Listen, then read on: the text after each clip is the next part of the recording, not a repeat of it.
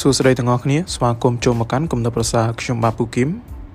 សម្រាប់ប្រធានបទនៅថ្ងៃនេះគឺដឹងនឹងធ្វើជាជំនាញពីរផ្សេងគ្នាដែលជាអត្ថបទសរសេរឡើងដោយលោក Thomas Upong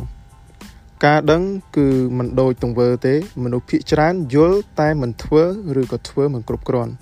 មនុស្សភាគច្រើនដឹងថាញ៉ាំអាហារល្អល្អឬក៏ញ៉ាំអាហារសុខភាព គឺធ្វើឲ្យរូបរាងកាយរបស់យើង មានសុខភាពល្អជាងមុនប៉ុន្តែ យើងនៅតែញ៉ាំអាហារមិនទៀងទាត់ឬក៏ចូលចិត្តញ៉ាំអាហារដែលមានសាច់សាច់ខ្លាញ់ច្រើនឬក៏ចូលចិត្តញ៉ាំពេលយប់ជាពិសេសនោះគឺយើងចូលចិត្តទទួលនៅគ្រាមសវឹងមនុស្សភាគច្រើនក៏ដឹងទៀតថាការហាត់ប្រាណជួយឲ្យសុខភាពរបស់យើងល្អប៉ុន្តែមនុស្សតិចណាស់ដែលចូលចិត្តហាត់ប្រាណឬក៏ហាត់ប្រាណទៀងទាត់ដូច្នេះមានន័យថាមនុស្សភាគច្រើនតែងតែដឹងនៅអ្វីដែលត្រូវធ្វើគ្រាន់តែគេមិនបដិញ្ញាថាធ្វើវាតែប៉ុណ្ណោះ ពាក្យរបស់លោក Jason Frank បានថាអ្វីដែលអ្នកធ្វើគឺសំខាន់ជាងអ្វីដែលអ្នកគិតឬនិយាយឬក៏ធ្វើផែនការចំណេះដឹងគឺអស្ចារ្យប៉ុន្តែសកម្មភាព គឺជាអ្វីដែលធ្វើឲ្យជីវិតរបស់យើងមានភាពផ្លាស់ប្ដូរដើរម្ដងមកជំហានទៅកាន់ភាពផ្លាស់ប្ដូរបែបវិជ្ជមាននឹងធ្វើឲ្យជីវិតរបស់យើងកាន់តែប្រសើរ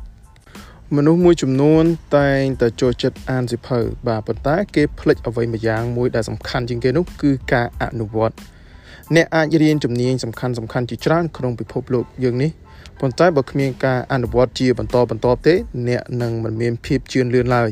មធ្យោបាយមួយគត់ដែលធ្វើឲ្យអាកប្បកិរិយាថ្មីคล้ายទៅជាទំនប់ធម្មជាតិនោះគឺត្រូវតែធ្វើសកម្មភាពជាបន្តបន្ទាប់ដែលវាជួយឲ្យអ្នកមានការអភិវឌ្ឍនិងកសាងនៅទំនុកចិត្តខ្លួនឯងផងដែរ។ អ្នកដែលឆ្លាតឬក៏មានផលិតភាពខ្ពស់គឺតែងតែមានចំណុចល្អទាំងពីរនេះព្រមគ្នាគឺរៀនផងនិងអនុវត្តនៅចំណេះដឹងនេះផងដោយពាក្យរបស់លោក Pablo Picasso ជាអ្នកគំនូរដ៏ល្បីគាត់បាននិយាយថាសកម្មភាពគឺជាកូនសោគ្រឹះនៃការជោគជ័យទាំងអស់ចំណែកឯលោក Warren Buffett ដែលអ្នកវិនិយោគភាគច្រើនបានទទួលស្គាល់ថាគាត់គឺជាបិតាខាងវិនិយោគហ្នឹង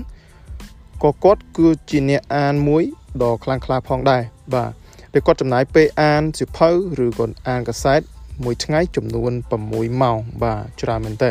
ហើយគាត់បានយកនៅចំណេះដឹងទាំងអស់នេះហើយមកធ្វើទៅជាជំនួយការក្នុងការសម្រេចចិត្តខាងវិនិយោគដែលជាហេតុធ្វើឲ្យទ្រព្យសម្បត្តិរបស់គាត់ហ្នឹងកែងតកើនឡើងជាលំដាប់ចំណែកពាក្យមួយទៀតដែលអ្នកទាំងអស់គ្នាបានលើជាញឹកញាប់នោះគឺភាពវៃឆ្លាតដែលវាគឺជាសមត្ថភាពនៃការរៀននៅចំណេះដឹងថ្មីថ្មីរៀនពីបទពិសោធន៍ហើយនឹងអនុវត្តនៅអ្វីដែលអ្នកបានរៀន ដើម្បីសម្រេចបាននៅគោលដៅដែលអ្នកចង់បានដោយពាក្យរបស់លោកណាំប៉ុងលីអនហ៊ីលដែលជាអ្នកនិពន្ធនៅសិភៅល្បីល្បាញមួយមានឈ្មោះថា See and Grow Rich គាត់បាននិយាយថាសកម្មភាពគឺជាការវាស់វែងយ៉ាងពិតប្រាកដនៃភាពឆ្លៀសវៃ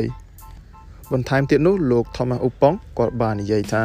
ចំណេះដឹងគឺជាធម្មពលប៉ុន្តែវាមិនតង់គ្រប់គ្រាន់នោះទេយើងត្រូវតែភ្ជាប់វារវាងចំណេះដឹងហើយនិងសកម្មភាពនោះឲ្យភ្ជាប់គ្នាតទៅបាន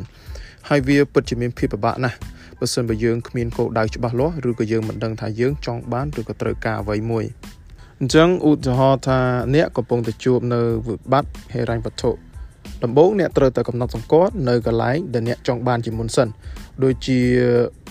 រៀបចំគម្រោងសាច់ប្រាក់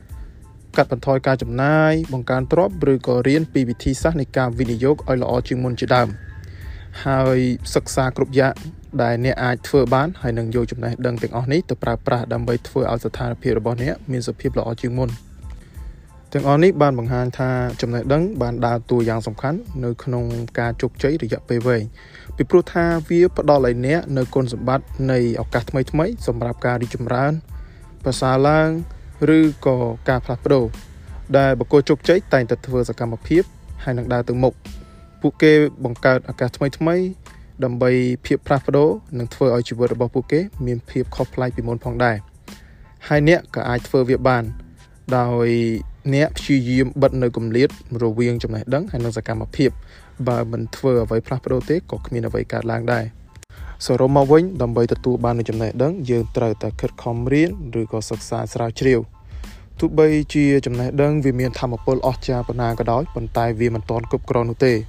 គឺវាទាមទារយើងយកនៅចំណេះដឹងនេះទៅអនុវត្តដើម្បីឲ្យវាក្លាយទៅជាសកម្មភាពមួយឈានទៅរកគោលដៅដែលយើងបានតៅទុកសូមអរគុណពីខ្ញុំពូគឹមសូមជម្រាបលា